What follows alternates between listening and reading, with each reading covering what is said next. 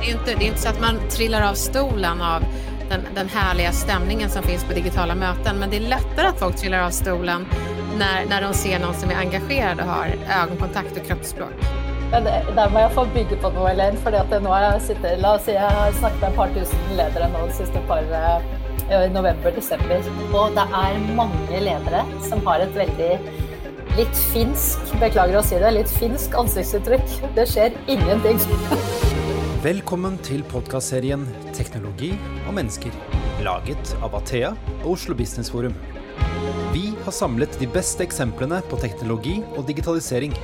Hvordan fikk de det til, og hva kan vi lære av dem? Da er vi tilbake med en ny episode i podkasten 'Teknologi og mennesker'. Mitt navn er Christian Brostad. Eh, tusen takk til alle dere som lytter til oss hver eneste uke. Og faktisk forrige uke så hadde vi en nedlastingsrekord på eh, 24 timer. Eh, så det er vi kjempestolte av. Eh, denne episoden eh, er hyperaktuell. Eh, og det er mange som den siste tiden har slitt med lange, endeløse digitale eh, møter. Og kanskje den mest brukte setningen om dagen er 'lyden din er på mute'. Eh, så digitale møter går sånn eh, passe. Mange sliter med motivasjonen, og vi er blitt trette av disse digitale møtene. Men hvordan kan vi bli flinkere til å involvere, engasjere og motivere folk i møtene? Så vi stiller rett og slett tusenkronerspørsmålet hvordan få til gode digitale møter. Og vi har et fantastisk gjester. Eh, vi har med oss Elaine Eksverd fra eh, Sverige. Hun er Sveriges fremste, kanskje Nordens, hvis jeg skal få si det, eh, fremste retoriker og kommunikasjonsekspert. Og så har vi Vigdis Austrheim, som er ekspert på avstandsledelse med lang fartstid fra en del tekstselskaper, bl.a. Microsoft og Cisco. Velkommen til dere. Takk snälla. Takk. Eh, jag tänkte vi skulle eh, starta lite brett. Eh, och Elaine, vi har ju distansjobbet nu i ganska många månader. Hur har de sista månaderna varit, syns du? Jag tror att motivationen har sjunkit lite framför skärmen att, och samtidigt som kunskapen har ökat. Nu finns det lite vett och etikett på vad man ska göra, att man gärna ska kolla in i kameran och inte ner i skärmen och korta mötena och sen så att man inte har ett powerpoint-maraton på 130 bilder i en skärm. Mm. Så att jag tror att folk börjar förstå, hmm, det kanske inte är så konstigt att jag är omotiverad och man kan fängsla folk framför skärmen. Men det gäller bara att man vet fallgroparna och vad man ska eftersträva. Ja, og det kommer vi jo tilbake til, for vi skal jo være veldig konkrete i denne episoden, faktisk. Så ja. det gleder vi oss til. Vigdis, hvordan har eh, disse månedene vært for, eh, Eh, jag vill Eh, jeg vil jo si at det har varit en reise inn i eh, tusenvis av lederes uh, bruk av kamera. för at jeg har gleden av et foredrag for så många och där kan jag jo observere hvordan de opptrer uh, på digitale flater. Så det, har vært, det er fortsatt mye å gå på, kan jeg si, samtidig som de har lært seg mye. Og det er noe jeg forsøker å utfordre til å droppe en del av disse møtene òg. Så jeg har liksom sånn agenda nå på å endre møtekultur, også digitale. Så mm. det er, eh, det er mye å hente fortsatt, og det er mye å lære. Ja. Og det du leverer nå, på en måte, som er dine tjenester, har aldri vært så aktuelle som akkurat nå, da? Nei, det er snakk om å være heldig sånn sett. Er, eh, jeg snakker om avstandsledelse, holde motivasjonen oppe på hjemmekontor og, og selvlede seg selv, ikke minst. Og det, det, kan jeg love deg, det trenger alle akkurat nå. Og det er som Elaine sa, det, motivasjonen har dalt, og det er merkbart de to siste månedene. Så folk trenger å få litt løft og litt energi på fyll, og det får de ikke av disse møtene. Det skal jeg love deg, mange av de er dårlige, altså. ja. Du Elaine, eh, vi vet jo at det å ha tydelig agenda, det å ha god møteledelse, gjelder jo også i den analoge verden. Eh, men når vi alle flyttes eh, digitalt, så klarer vi kanskje ikke det løftet. Men er det nå behov for å retenke måten vi driver møter på digitalt? Ja, vi behöver en, en startsträcka som är viktig och någonting man ska veta från livets start är att det första språket vi lär oss det är det icke-verbala språket, det vill säga röst och kroppsspråk. Spädbarn söter, söker per automatik ansikten och leenden för sin överlevnad. Och det här försvinner inte när vi blir äldre. Så mitt råd till dig det är att eh, inte kliva in i ett digitalt möte med en eh, papppåse på huvudet utan ha kamera på. För att vi söker efter ett ansikte. Tänk dig bara på att, att gå på dejt med ett för och efternamn, liksom svart skylt och vita bokstäver Det är ju roligare att titta på färg som torkar. Så ha alltid ambitionen att vara roligare än färg som torkar. Det vill säga, slå på kameran. Det är jätteviktigt att ha på kameran. Och eh, Sen tenderar vi också att titta ner i skärmen, så jag skulle säga 70% kamerakontakt, det vill säga du kollar in i kameran för att ge känslan av ögonkontakt och sen ner i eh, skärmen för att analysera deltagarnas kroppsspråk förutsatt att de har på sina kameror. Så 70% in i datorns kamera, 30% ner i skärmen ska du hålla din uppmärksamhet. Och man kan kompensera ögonkontakt genom att bara säga någons namn. Jag menar, vi tre sitter på olika håll nu, men om jag säger Vigdis, vad tänker du om det här med ledarskap? Bara genom att säga hennes namn så ger jag en känsla av ögonkontakt. Så att använda citatmetoden, det vill säga som Vigdis sa innan, så är det här mer aktuellt än någonsin. Mm. Då får jag henne att känna sig sedd i sitt lilla digitala rum som vi alla sitter i. Mm. Jeg ser du er veldig flink Elaine, til å se inn i kamera. Jeg føler at jeg ser alle andre steder, så sånn, er, sånn har det blitt. Eh, ja. Elaine, er du enig? Ja, men det, det, det är jag nog. Absolut. Ja. Men, men, men eh, det, jag tror att de flesta har inte riktigt kommit dit till att kolla in i kameran. Det är jättetråkigt att kolla in i sin kamera i datorn. Men ett tips är att sätta upp en post-it-lapp som ler med en smiley på så att du kommer ihåg vart du ska titta. Men mm. det, det, är det viktigaste för den som leder mötet, inte så mycket mötesdeltagarna. Mm. Eh, Vigdis, du är ju ute och gör en del eh, workshops och så vidare för en del kunder, eh, både i offentlig och privat regi. Eh, vad är liksom dina viktigaste råd till, eh, till verksamheterna när det kommer till det att liksom skapa eh, involvering och engagemang i dessa mötena? Jag tror för att lägga till så tänker jag det att det jag gör när jag kommer in i ett digitalt möte är ju att jag kommer in några minuter för. Jag startar för tid.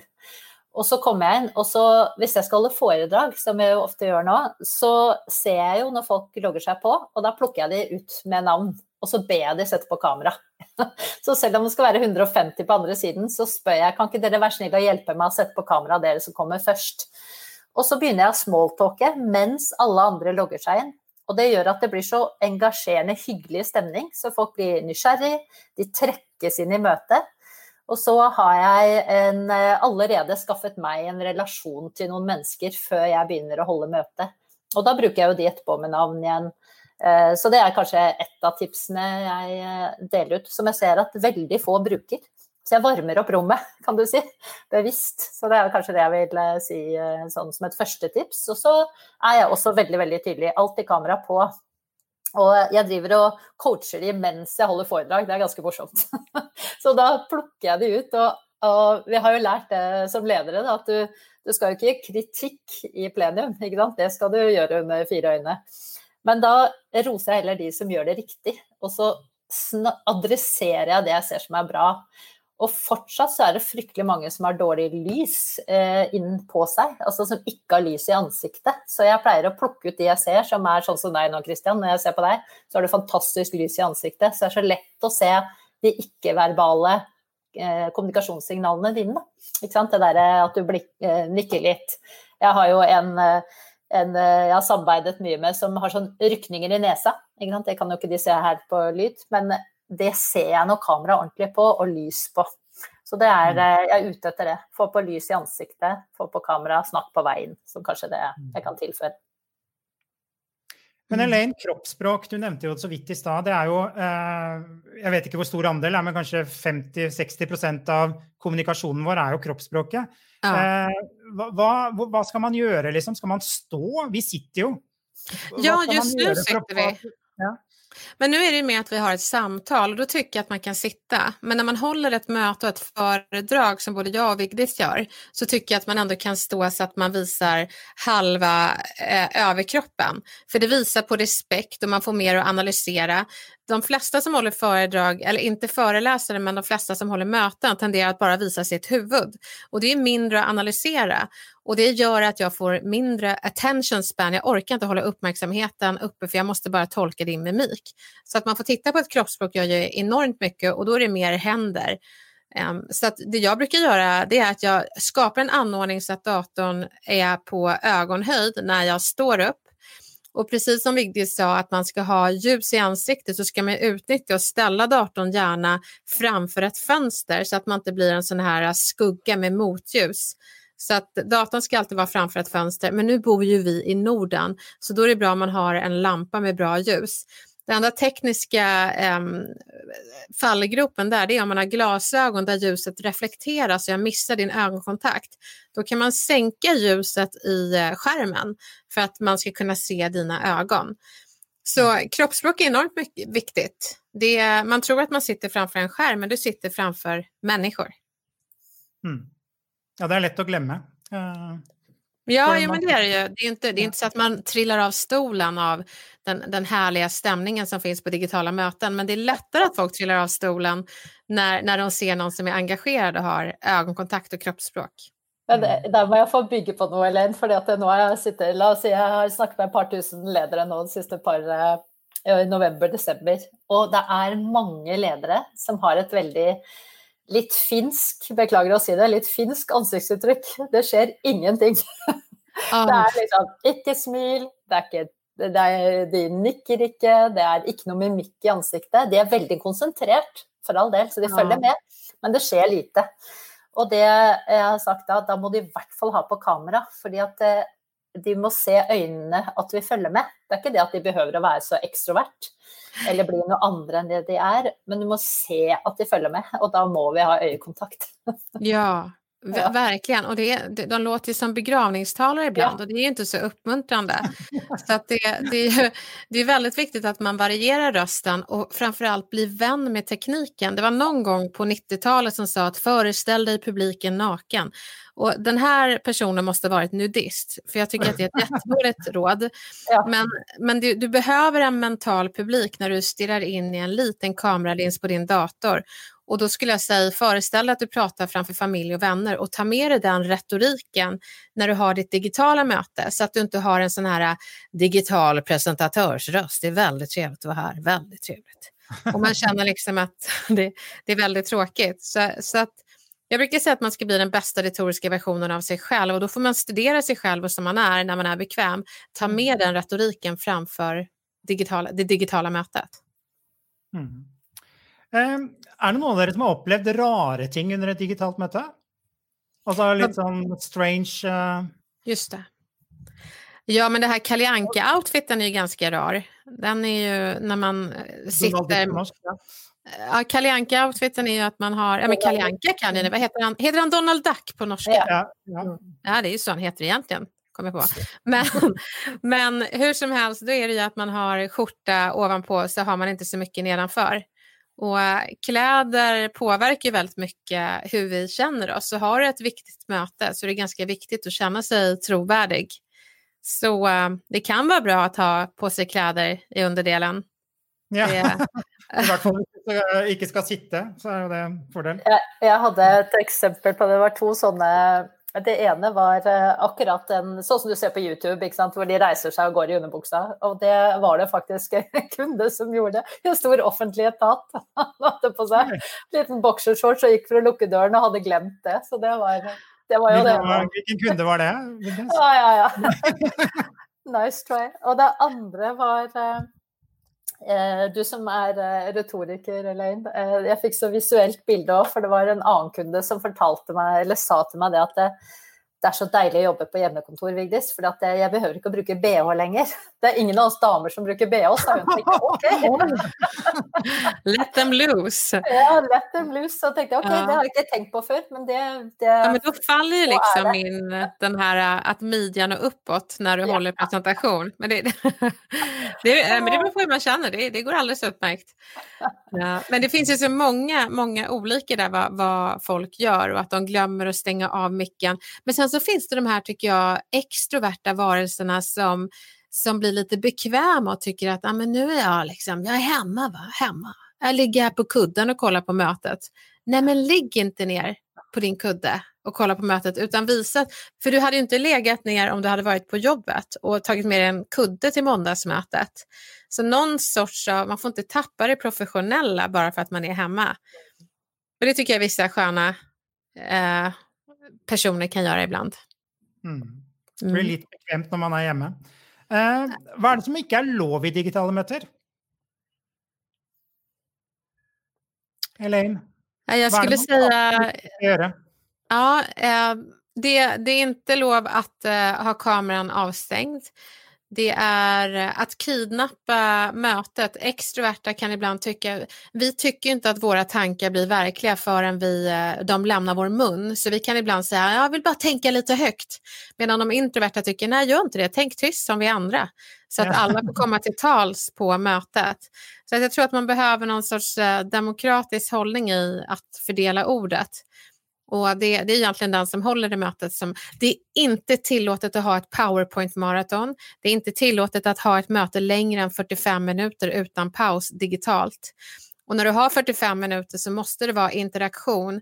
Eh, att ha ett dött, en död chatt i, i det här digitala rummet det är inte heller okej okay, utan låt den flöda. Jag brukar alltid ha det, precis som, som Vigdis sa innan, att hon skapar allianser med dem, att hon pratar lite med dem innan, har small talk. Så försöker jag ställa frågor till åhörarna med alternativsvar så att chatten alltid är dynamisk och levande. Um, så en död chatt skulle jag inte rekommendera utan håll dem aktiva de här 45 minuterna. Mm. Vad tänker du Vigdis? Är det jeg tenker at Elaine og jeg snakker utrolig likt ute. Så det er, det er, det er musikk å høre her. Uh, og så tenker jeg å legge til at uh, ikke led alle møtene selv hvis du er leder. Fordi at det i seg selv blir trøttsomt eller kjedelig, som vi sier på norsk. Det er bare det å rotere møteledelse. Hvis jeg hver uke har deg som leder som snakker, så, så vet jeg nesten hva du skal si før du sier det. Det er som å være gift i 30 år, sånn som jeg har vært. og det er sånn, du vet hva den andre. Nei, nei, jeg har vært eh, lykkelig gift i 26 av dem, kan du si. Det er ikke gærent, det. Det er noe her, vet du. Gift og ektefelle. Det er noen som har oversatt noe rart her, men uh, det er en annen diskusjon. Men uh, det å bytte hvem som leder, hvem som tar ansvaret for møtet, det tenker jeg skaper en variasjon. Og det er jo ofte det vi trenger. Så ikke monotone møter. Så variasjon med sant, om det er chatt chat, som Elaine sier, men også poll, eh, bruke whiteboard. Jeg har kjørt et to dagers digitalt kurs for første gang nå. Så jeg pleide å kjøre klasseromskurs. Og det digitaliserte jeg denne uken og kjørte via Zoom. Og da brukte jeg også dette Miro som et verktøy, som jo er et, eh, en whiteboard-type funksjonalitet for å skape kreativitet. Da. Og det, når jeg snakker med de fleste nå så savner de jo én å se hverandre, og to at møtene blir monotone.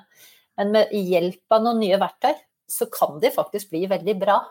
Og breakout rooms i tillegg, så kan du skape kjempegode opplevelser. Så, så jeg vil si at eh, det er ikke lov å ikke prøve nye produkter. For å oppsummere Ja, Jag, jag håller med dig och man måste ha lite is i magen. Jag vet inte om man säger så på norska, att man, att man blir vän med tekniken. Jag har ju fått frågan av kunder att nej men vi vågar inte använda Zoom eller vi vågar inte lita på tekniken utan Elaine du får förinspela din föreläsning som vi skickar.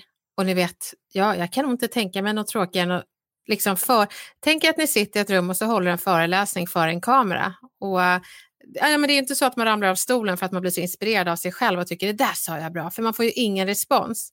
Så jag tycker det är viktigt att man har lite is i magen och blir vän med tekniken. Om tekniken strular så är det inte hela världen, det, det liksom, man lär sig.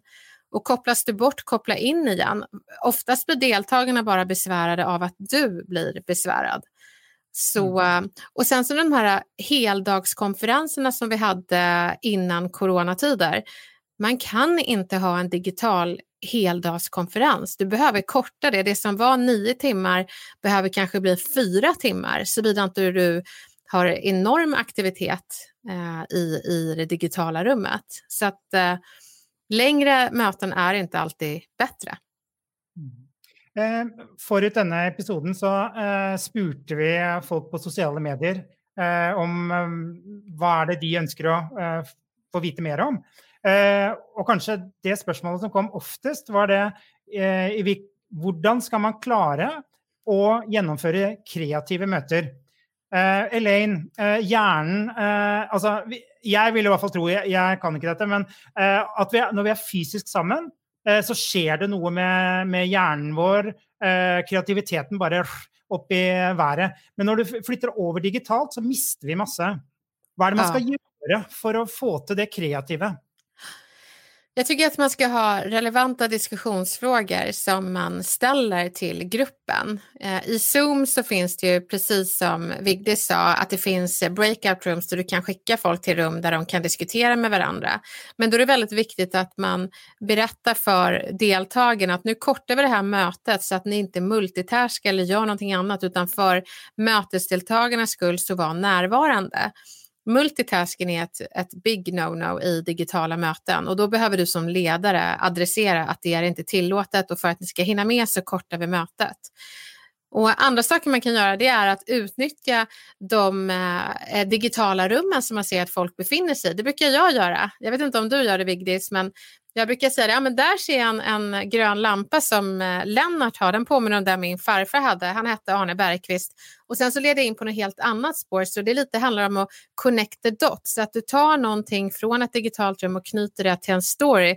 För då känner de sig att jag har klivit in i deras rum lite försiktigt. Och, eh, men det får inte vara otrevligt Jag säger, ja men jag ser att Lena, vad stökigt du har det. så man får ha lite känsla där. Mm. Så det du säger är att du måste skapa ett miljö där kreativiteten kan växa på en måte då? Ja, eller eh, snarare, ja, eller snarare att du, kan, du har ju en massa miljöer i och med mötesdeltagarna där din kreativitet kan eh, liksom växa.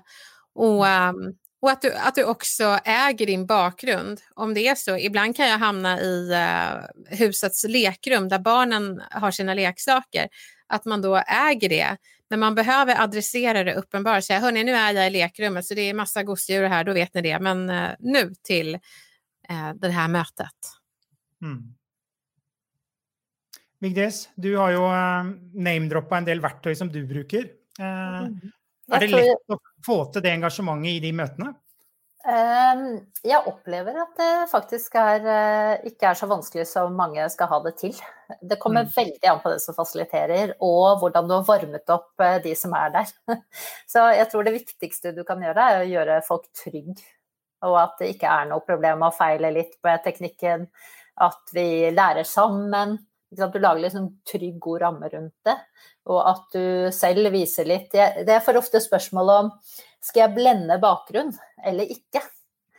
Og det er en sånn Hvis du blender, så skaper du en avstand. Her, Elen, vil jeg gjerne høre hva du syns etterpå, men jeg tenker det at jeg vil helst at de ikke blurrer eller blender bakgrunn. Jeg vil at de, vi viser hva vi har bak. For jeg bruker også det. Så det er en måte å ha en sånn icebreaker og bli mer kjent. Så det er en ting. Eh, og så er det kanskje verktøy, som jeg sa, men, men, ikke minst det å ha mindre grupper. Mm. Fordi at problemet som jeg opplever, er jeg kommer inn i ledergrupper, ledersamlinger eller store allmøter. ikke sant? Det er fra 150 til ned til 15 kanskje, eller 10. Det er fortsatt så mange at på, i digitale rom så snakker ikke folk. De er helt stille. Och du kan tänka dig att det är nog eh, många av de som också är stilla i ett fysiskt møterom. alltså. De snackar utanför dörren efterpå. Men, men, det att då bryta det upp i mindre grupper, det är ett av de viktigaste verktygen syns jag, för kreativitet. Så kanske bara ha två-tre som jobbar på en uppgave, två, tre som jobbar på en annan uppgave och så kan du samla dem samman. Og denne uka kom faktisk Microsoft Teams med breakout room. Så, Åh, vad bra. Det, ja, det er nytt av denne uka. Ja. Takk, Microsoft. Yes. Så, så, er det jo noe Jeg er jo glad i de her gamle Post-It-lappene. Ja, de der gode gamle. For det er noe fysisk med å henge på veggen og tegne litt. Og, så jeg har også lært uh, flere å bruke whiteboard, digitale whiteboard, og tegne på. For det er mange ledere som er som meg, de må tegne. Eller ekstroverte, ikke sant. De lager en eller annen struktur. Så det går fullt an å gjøre, og da blir det noe kreativitet. Så det var kanskje å tillegge i hvert fall det. Ja, och sen så tror jag också att folk blir väldigt... Eh, det är vissa som har invändningar och tycker, nej men varför ska jag... Jag vill blurra min bakgrund, det är privat där jag bor. Men du har väl en vägg som kanske inte avslöjar ditt allra innersta, välj den. Ja. Ja. För bara så att vi får... Eh, och sen så tycker jag att chefer borde vara mer, mer bestämda i att eh, hade du kommit in på jobbet så hade jag velat se dig. Jag hade inte velat att du kom in med en papppåse på huvudet. Men mm. nu är ju faktiskt på jobbet i det digitala, så du som chef har faktiskt mandat att säga till. Det är det här som gäller på mötet. Men man behöver inte vara auktoritär. Jag gillar ju det Vigdis gör, att du liksom lockar dem att liksom komma in i mötet. Jag kanske retar dem lite och jämför dem med, med, med färg som torkar utan att peka ut någon. Men jag tror att man ska vara lite så här mjukt konfrontativ och hitta de som, som liksom reagerar och blir glada. För även om du har 150 på en presentation så känner sig alla mer sedda när de ser att den här kvinnan eller mannen ser några, några stycken av oss. Det är inte bara ett monologmonster som pratar utan man får prata lite här också. Så tror jag det hjälper lite med stämningen också. Alltså, nu var jag ju nettopp hos eh, och hållit föredrag för eh, ja, en haug gjensidige. Og, og, eh, der var det Og det var jo svenske og danske og norske sammen. Og det, det, som faktisk bandt det sammen litt, er jo at de brukte sine egne bakgrunnsbilder også. Så de endret jo bakgrunnsbildet mens jeg snakket, til å være julestemning.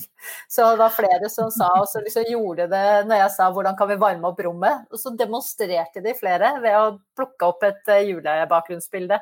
Og det i seg selv gjorde jo at stemningen ble mye varmere, engasjerende, mer inkluderende. De sa ingenting, men de viste det visuelt, så det var jo all honnør. Da kunne jeg jo gi de litt positiv tilbakemelding, de som tok det ansvaret. Da. Mm. Eh, Elaine, du har jo eh, vært så vidt inne på det tidligere, men eh, den evnen vi har for å få folk til å lytte til oss, mm. og spesielt i digitale møter, hva, hva er dine beste tips der? Det är ganska många tips som gäller i det verkliga mötet också. Det är att jag skulle döpa mötet till någonting som alla kan relatera till. Alltså vad är syftet? Jag brukar likna det vid att man ska prata journalistiska. Det tycker jag är ett bra språk. Att man döper sitt möte till en rubrik som svarar på frågan What's in it for me? För att få folk att sluta multitaska så är det väldigt bra att motivera varför de är där och under hur lång tid de behöver vara där. Så eh, jag hade en, en kund som jag retoriktränade, hon var budgetansvarig på företaget och hon hade alltid budgetmöten. Men så hette CEOn på företaget Göran, så hon frågade honom, Göran kan jag döpa det här mötet till det här istället? Och han sa det, det går alldeles utmärkt. Och så skickade hon ett mejl till sina kollegor och så sa hon, välkommen till mötet, vad gör Göran med pengarna? Så ah. det var ju ett budgetmöte, men hon tänkte vilken tidning hade de köpt, mina kollegor? Så att det är jätteviktigt att lyfta relevansen så att folk förstår att vi får faktiskt ut någonting att vara här i 30 minuter.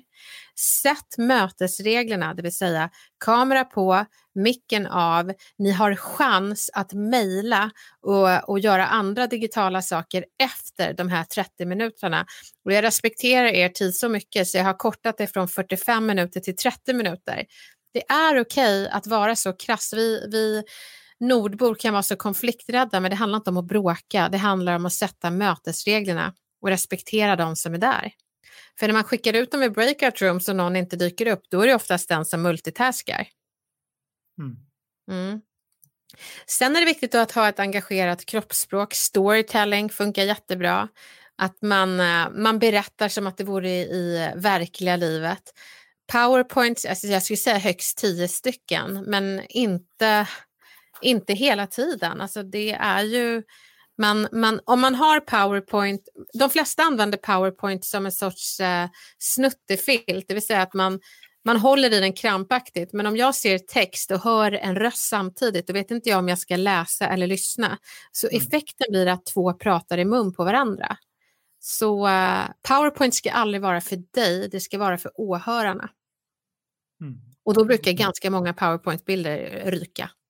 Ja, det är helt grusomt att vara på sådana möten. Ah. Och så har de brukt säkert fryktelig lång tid på att laga dessa powerpointene. Det är en waste of time. Da. Ja. Mm. Eh, vi närmar oss lite slutten här, eh, men jag tänkte två ord om eh, framtidens arbetsliv. Alltså, eh, corona, pandemin har ju gjort att vi jobbar på en lite annan måte. Vigdis, vad tror du om framtiden? Eh, jag såg bland annat en undersökelse från akademikerna, eh, hvor eh, två av tre med de med högre utbildning önskar att fortsätta med hemmakontor. Men kidsa, och då säger jag kidsa, de under 30, da, det är kidsa, eh, de eh, vill på kontoret. Vad tänker du? Jag tänker att eh, framtiden blir en blandning. Det blir en hybrid värld som vi kallar det. Och det jag snackar väldigt mycket med ledare om att de måste vara bevisst på hur de fyller ledarrollen. Att det är mycket enklare faktiskt nu, när du är 100% på hemmakontoret eller 100% på jobb.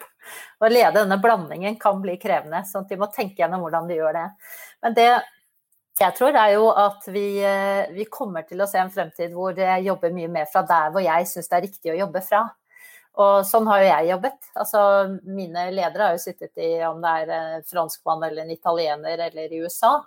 Och teamen mine har varit liksom runt hela Europa. Och jag tänker sånn, det vil jeg ska vara den nya normalen framöver.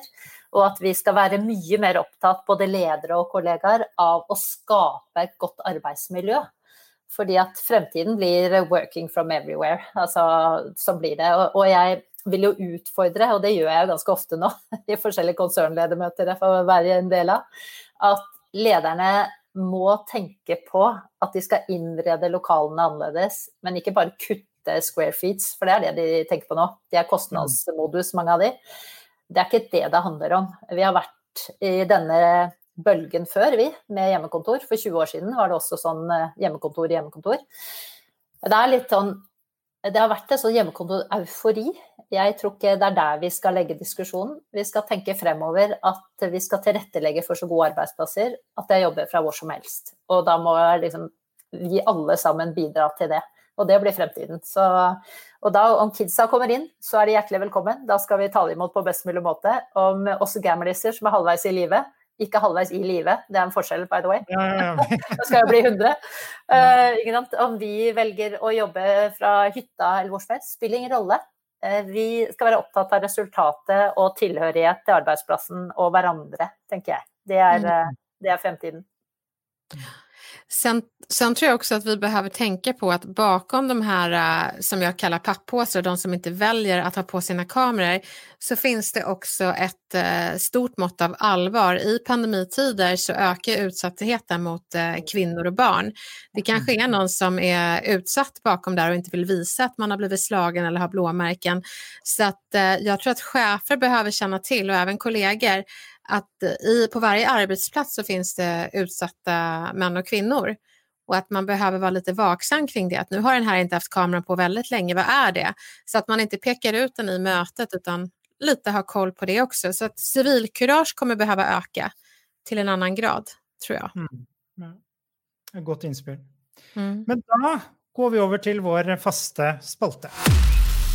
Digitala vanor. Bli kjent med gjestene ved å snoke deres digitale liv. Hva gjør de egentlig på nettet? Hvilke favorittapper har de? Er det streaming eller linær-TV som gjelder? TikTok eller Snapchat? Vi spør i Teknologi og mennesker. Nå skal vi snoke litt i deres eh, private digitale liv. Elaine og Vigdis, er dere klare? Yes. Her gjelder det altså, Dere får to alternativer, og så skal dere velge ett av dem. Eh, og så er de veldig snille denne gangen, da, bortsett fra den siste. Det er fem stykker. Eh, da må vi starte da, kanskje med deg, Vigdis. Eh, digitale eller fysiske møter? Fysiske. Mm. Elaine? Ja, jo men fysiska. Fysiska, ja. Vi är lei. Eh, Elaine, Instagram eller TikTok? Instagram. Jag är för gammal för TikTok. Okej. Okay. Samma här. Instagram. Samma här ja. Kjedelig dere er, da. Uh, Elaine, emoji eller text?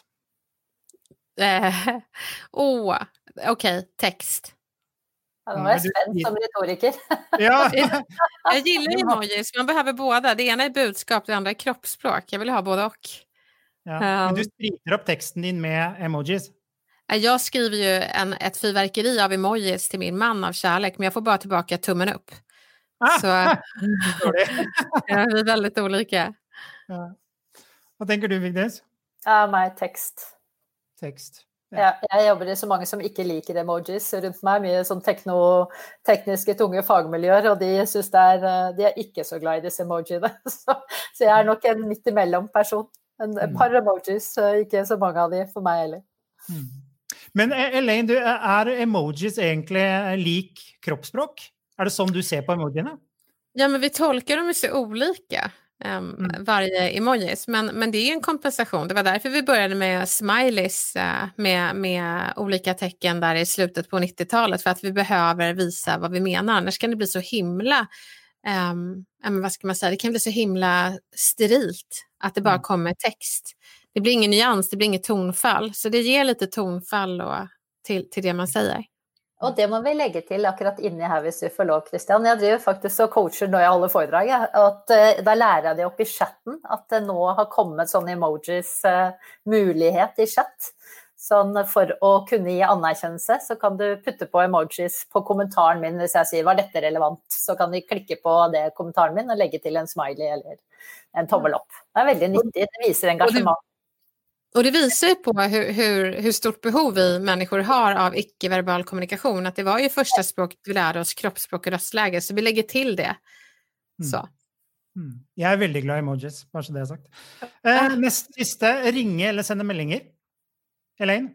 Nu måste jag fråga här, eh, sända medlingar, är det sms? Ja. Ja, ringa. Jag är 90-talstjej. Jag älskar att prata och höra rösten, långa samtal. Men när man ringer yngre personer så undrar man om något har hänt. Ja. Så, så, så jag. Mm. Vigdis? Jag sänder medlingar. Sända medlingar, ja. Mm. Jag är lite mer effektiv. jag är mer det här monologmonstret på telefon, extrovert. Vad gör du? Så jag vill alltid prata. Jag är sån small talk, men i korta små mängder. Ja. Det är ju dejligt att prata. Ja, ja. Eh, den sista, den är kanske lite på kanten, då, men eh, vi tåler det i denna podden. Uh, icke duscha på en månad eller icke ha internet på en månad? Ja. Vigdis? För att säga det så, jag kan la vara att ha internet en månad, men duscha det måste jag göra. Ja. ja. Nej, jag hoppar över internet. Jag brukar faktiskt köra um, Nokia 3210 på sommaren bara för att slippa alla appar och detox från internet. Det är jätteskönt att bara kunna ringa, så det kan jag varmt rekommendera. Väldigt zen. Mm. Ja. Ja, väldigt gott tips. Elaine och Vigdis, tusen tack för att ni kunde vara med, och tusen tack till dig som har lyssnat på. Du har nu lyssnat till Teknologi och människor, laget av Athea och Oslo Business Forum. Liker du podkasten, setter vi stor pris på om du gir oss noen stjerner. Og tips gjerne en venn om podkasten.